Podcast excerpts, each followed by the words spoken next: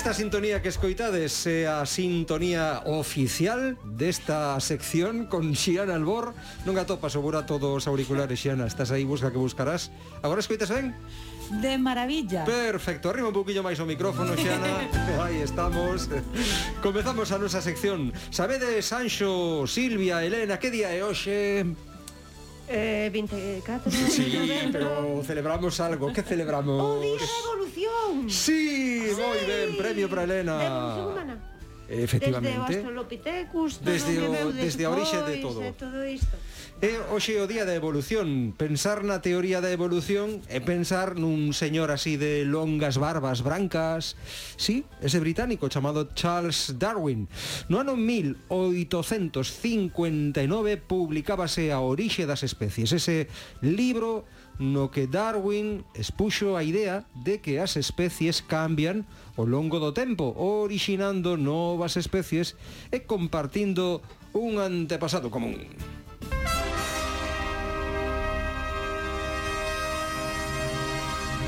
Chun, chun, chun, chun. Xana Albor, moi boas tardes. Non podía ser de outro xeito. Quería ter metido máis segundos de 2001 Odisea no espacio de Stanley Kubrick. Seguro que o señor do videoclub activo. Sí, sí, sí, sí. activo. O mellor das 15.000 que ten para vender agora. Milleiros de veces eh, seguro que ten a vender. Non te estrane, pero porque esta película de algún xeito hai que di que ven a falar da evolución do pasado, mas tamén do futuro que lle depara a nosa especie. Pero que é unha especie, que ti tamén falabas diso, Antón, isto non está de todo claro. Para Ernst Mayer, médico reconvertido en, zool en zoólogo, o que os colegas chamaron do Darwin do século XX, con moita humildade, Pois para ela a definición estaba moi clara. Unha especie en a que os individuos poden cruzarse e poden deixar descendencia. Mm. Pero entón a, a ciencia, as ciencias biolóxicas están vivas e as ciencias biolóxicas cambian. E este significado de especie xa non é tan aceptado a día de hoxe. Por exemplo, vou vos poñer un exemplo moi claro. A balea azul eh, Que bonita Vale Azul. Que sempre falo moito dela porque non me cansarei xa máis de dicilo, o animal máis grande que temos vivo hoxe en día, o animal máis grande que xamais existiu. Pois a balea azul é o rorcual común, que xa fala de outra maneira. Este é común, común. Aí está, é moi bonito ademais este son porque foi recollido por un por un aparato que mide seísmos mm. e recolleron o rorcual común. Aí está. O, mm, un, un, dos, un das vocalizacións que fai. Pois estes dous animais que son de feito... Poden cruzarse entre sí. Estánse a cruzar. O primeiro híbrido entre balea azul e rorcual común apareceu nos anos 90. E daquela se pensaba que non podían deixar descendencia. Isto é o típico caso das mulas. Mm. Un cabalo e un burro cruzanse da unha mula, sí. pero a mula é estéril, por eso dicimos, ah, pois entón o cabalo e o burro son dúas especies diferentes. Mais a balea azul e o rorcual común estánse a hibridar e están a dar individuos fértiles. Se non só desde mar, Castro Verde non ten mar, non, en principio non. tampouco, bueno, pois para os que somos máis ben de terra, temos o caso dos cans e os lobos. Estánse a hibridar, está a ser un dos problemas de conservación máis graves que estamos a, ten, a ter coa nosa poboación de lobos ibéricos.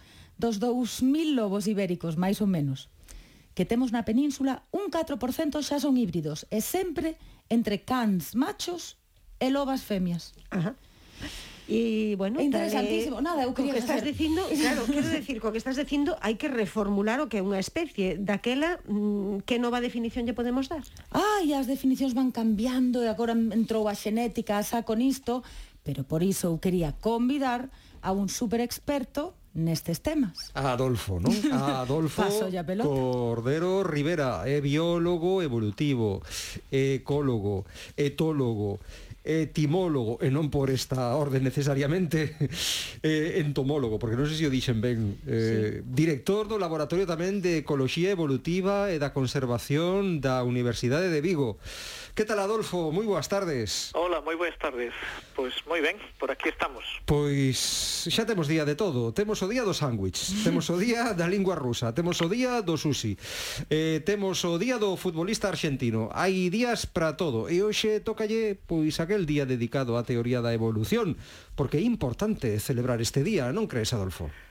Pois sí, porque eh, aínda que Darwin fora o que lle deu, por así decirlo, eh, unha formalización a esta, a esta teoría propoñendo unha hipótese válida que eh, relacionada coa selección natural, en realidade dende sempre a humanidade tiña esta intuición, non? de que de que hai cambios ao longo do tempo, que as especies cambian, aínda que non fora aceptado por todo o mundo. Darwin mm, deu neste caso un paso moi importante eh, dándolle unha forma unha forma máis científica a estas ideas, non? Mm. E, bueno, pois pues celebramos iso como poderíamos celebrar, como acabas de decir, pois pues, moitas outras mm. cousas. Ahora, Darwin tamén as levou, eh? claro, e sobre todo nesa época, non? Nesa época, pois pues, poucos acreditaron nel, non? Eh, era, vamos, hai viñetas eh, de, dedicadas a Darwin eh, nos periódicos da época, unha barbaridade, unha cantidade delas.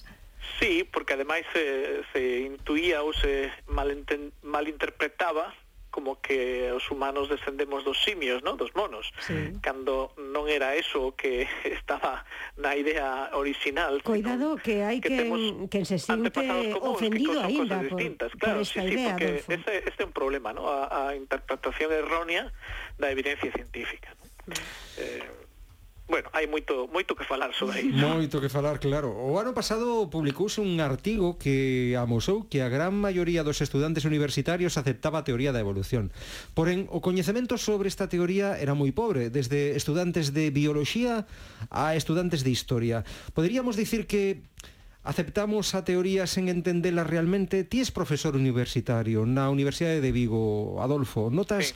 este descoñecemento da teoría da evolución entre os alumnos? Eh, noto pois eh, que hai um, unha certa, um, por así dicilo, intuición que se sobrepón a, ao coñecemento. Entón, eh, ao longo do bacharelato ou dos estudios previos dos estudantes que chegan á, á universidade, pois reciben formación sobre esta sobre a teoría da evolución por selección natural, no? que estamos a falar de basicamente das ideas principais de Darwin, mas posiblemente non o suficientemente tempo uh, ou non dá tempo a meditar sobre iso, de tal maneira pois que siga habendo eh, ideas preconcebidas que son bastante intuitivas, pero que non necesariamente son certas, ¿no? e eso se sigue manifestando en prácticamente todos os países, ¿no? Mm. Eh, na, na xente con unha, for, unha formación máis ou menos xera, xenérica, pois eh, teñen malas, malas interpretacións das teorías. Por exemplo? Pois, pois, por exemplo, esta idea de que a xirafa ten ese colo tan largo porque se estira, non? Para comer as follas que están moi altas na, nas árbores, non? E que precisamente eso dá lugar a que a, o colo se vaya facendo cada vez máis longo. E, esa é unha, unha forma que sempre se chamou lamarquista, non? De, porque ven de Lamarck que propuxera unha, unha, esa, unhas teorías evolutivas parecidas ou baseadas nestes principios que non son, uh, polo que sabemos, a forma, uh, por así decirlo, general ou válida para generar este tipo de, de adaptacións, ¿no? Uh -huh. senón que teñen que ver con moitas circunstancias eh, eh, que basicamente pues, teñen eh, a base na variabilidade. Canta máis variabilidade, máis posibilidade de elección hai, e máis posibilidade de cambio. Non? Claro, todo isto seguramente se nos pasaría esta confusión que temos eh, por, por saber as cousas así, pero mm, suxeitas con alfinetes, se nos pasaría se leramos o libro A orixe das especies que escribiu no 1859 Darwin. O que non sei é que se sigue sendo un libro vixente e tampouco sei, Adolfo, se é un libro para todos e todas. Ben, hai que considerar que un libro escrito hai máis de 100 anos, claro. Entón, eh, estamos a falar de eh, o coñecemento da época. Entón, dende o punto de vista mm, do coñecemento biolóxico, avanzamos moitísimo. Eh, hai moitísimas cousas que ahora sabemos, sabemos, sobre todo da xenética, que Darwin non podía saber, porque eran descoñecidas na época, non? Entón, sigue sendo unha obra moi interesante, interesantísima, que convén ler, pero sempre tamén con esa perspectiva histórica. Eh, ningún escrito pode sobrevivir 150 anos e eh, eh, eh, ignorando todo o que pasa despois, non? Mm. Entón, sigue sendo un libro uh, fundamental da, da, do coñecemento humano que é difícil de ler, non é un libro destes para lectura así... Eh... Non é Julio Verne. Non, exactamente, non é unha novela, pero sí que hai cousas que poden ser bastante interesantes e que... Eh, ben, o Darwin pois meditou moitísimo eh, Eh, a hora de escribir ese libro, non? Non hai que esquecer que llevou, llevou moitos anos, llevou moitos anos escribir o libro, o sea que é bastante completo. E sigue sendo mm, unha lectura interesante. Uh -huh. Ao falar de evolución tendemos a pensar sobrevive o máis apto, o máis forte ou o máis intelixente. Pero mm, eu estou me preguntando, non é preciso tamén que para pasar as no, os nosos xenes, a seguinte xeración temos que reproducirnos? Cal é o papel que xoga esta selección sexual, este afán por reproducirnos, este éxito na reproducción certamente na evolución? Pois claro, é un papel fundamental, non? Non hai que esquecer que o 99,99% ,99 dos animais, por exemplo, eh, teñen reproducción sexual. Quere iso dicir que se precisan dous individuos que colaboran sempre con conflicto detrás, pero que colaboran para producir novos individuos. ¿no? Entón, eh, o feito de que a reproducción sexual cesa eh, prácticamente a norma, eh, hai excepcións, por suposto, pero eh, case todos os organismos se reproducen de forma sexual, indica que isto ten que ter vantaxes. Eh, de, de outro xeito, eh, sería xa algo que quedaría atrás. E o propio Darwin pois non só escribiu o libro sobre a orixe das especies, non que escribiu un pouco despois, no 1871, se non me equivoco, foi publicado un libro que ten dúas partes, que a primeira é a orixe da humanidade, a orixe do home, e a segunda parte é a, a selección en relación co sexo, non?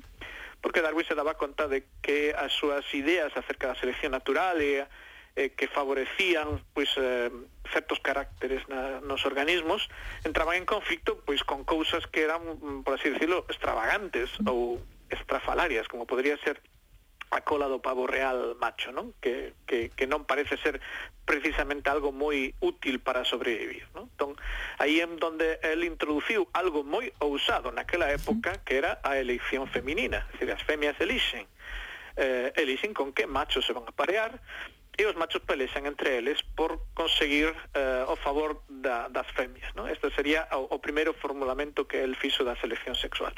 Eh, e foi toda unha revolución tamén, a segunda gran revolución de Darwin, por así decirlo.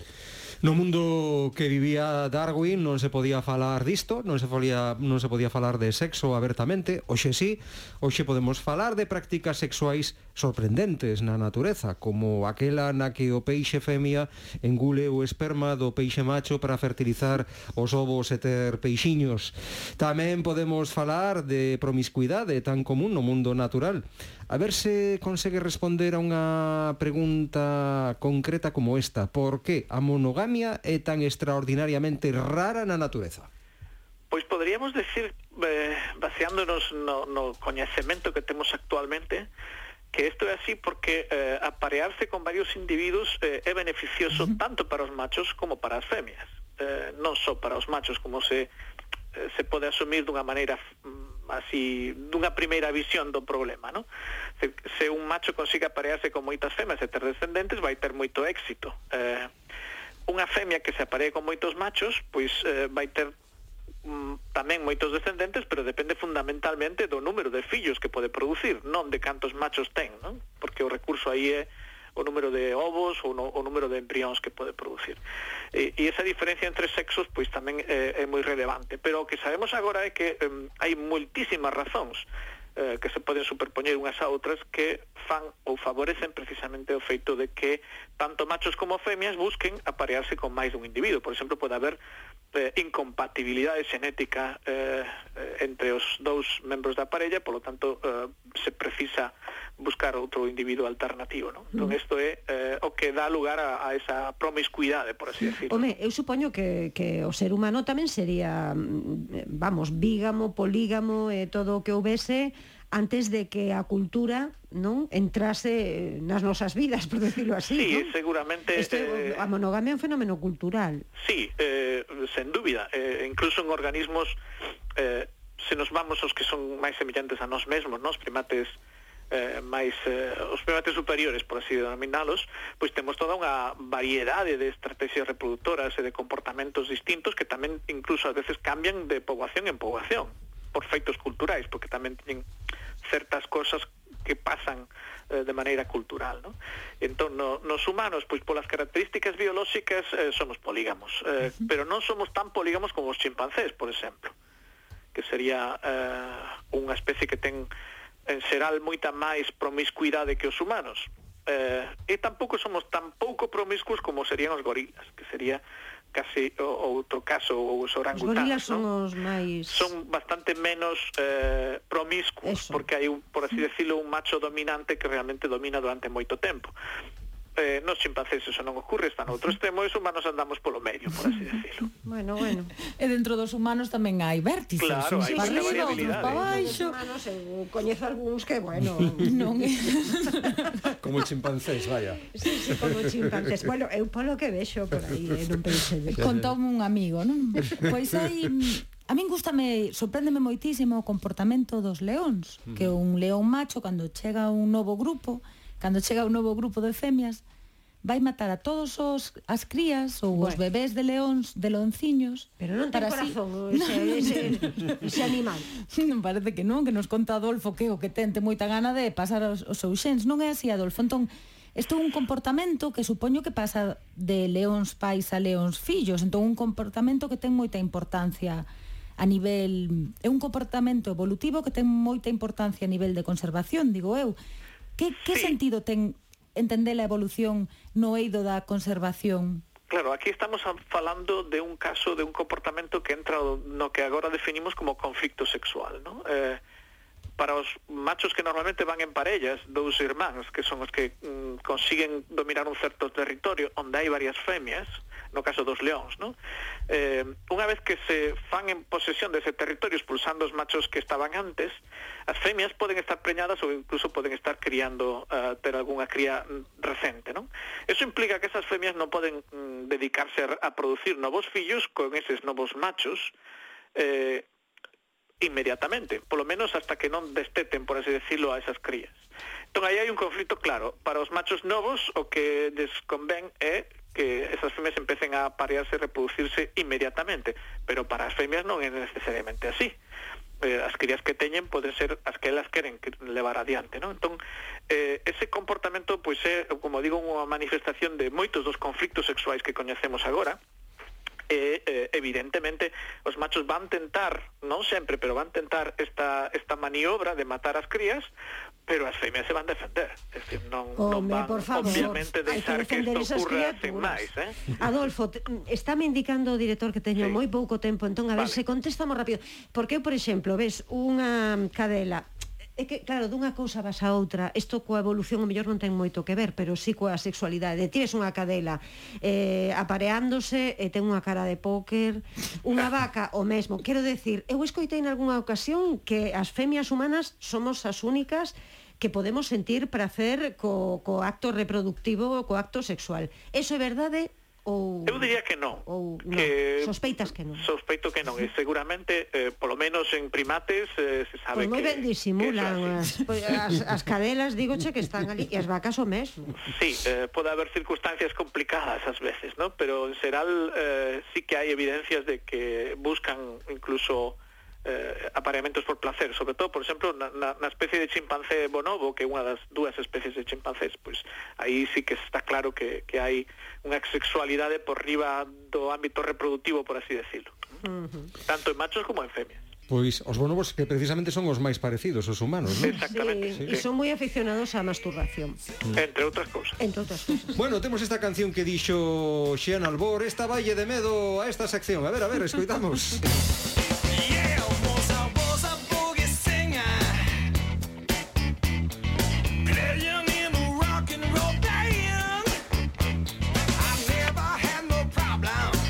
xa entendo por qué, claro. Esta foi da banda sonora da película Evolución, non, Xiana? Sí, señor, da desta de David Duchovny, de Expediente mm. X. Ti, ti, ri, ri, ri.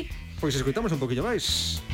Got to stop to feeling so low And I decided quickly Yes, I did. Pois Adolfo Cordero Rivera, ata outro día e moitísimas grazas eh, pola información e por participar no programa. Gracias a vos. Un saudiño, ata logo. Aprendemos moito, sí, señor.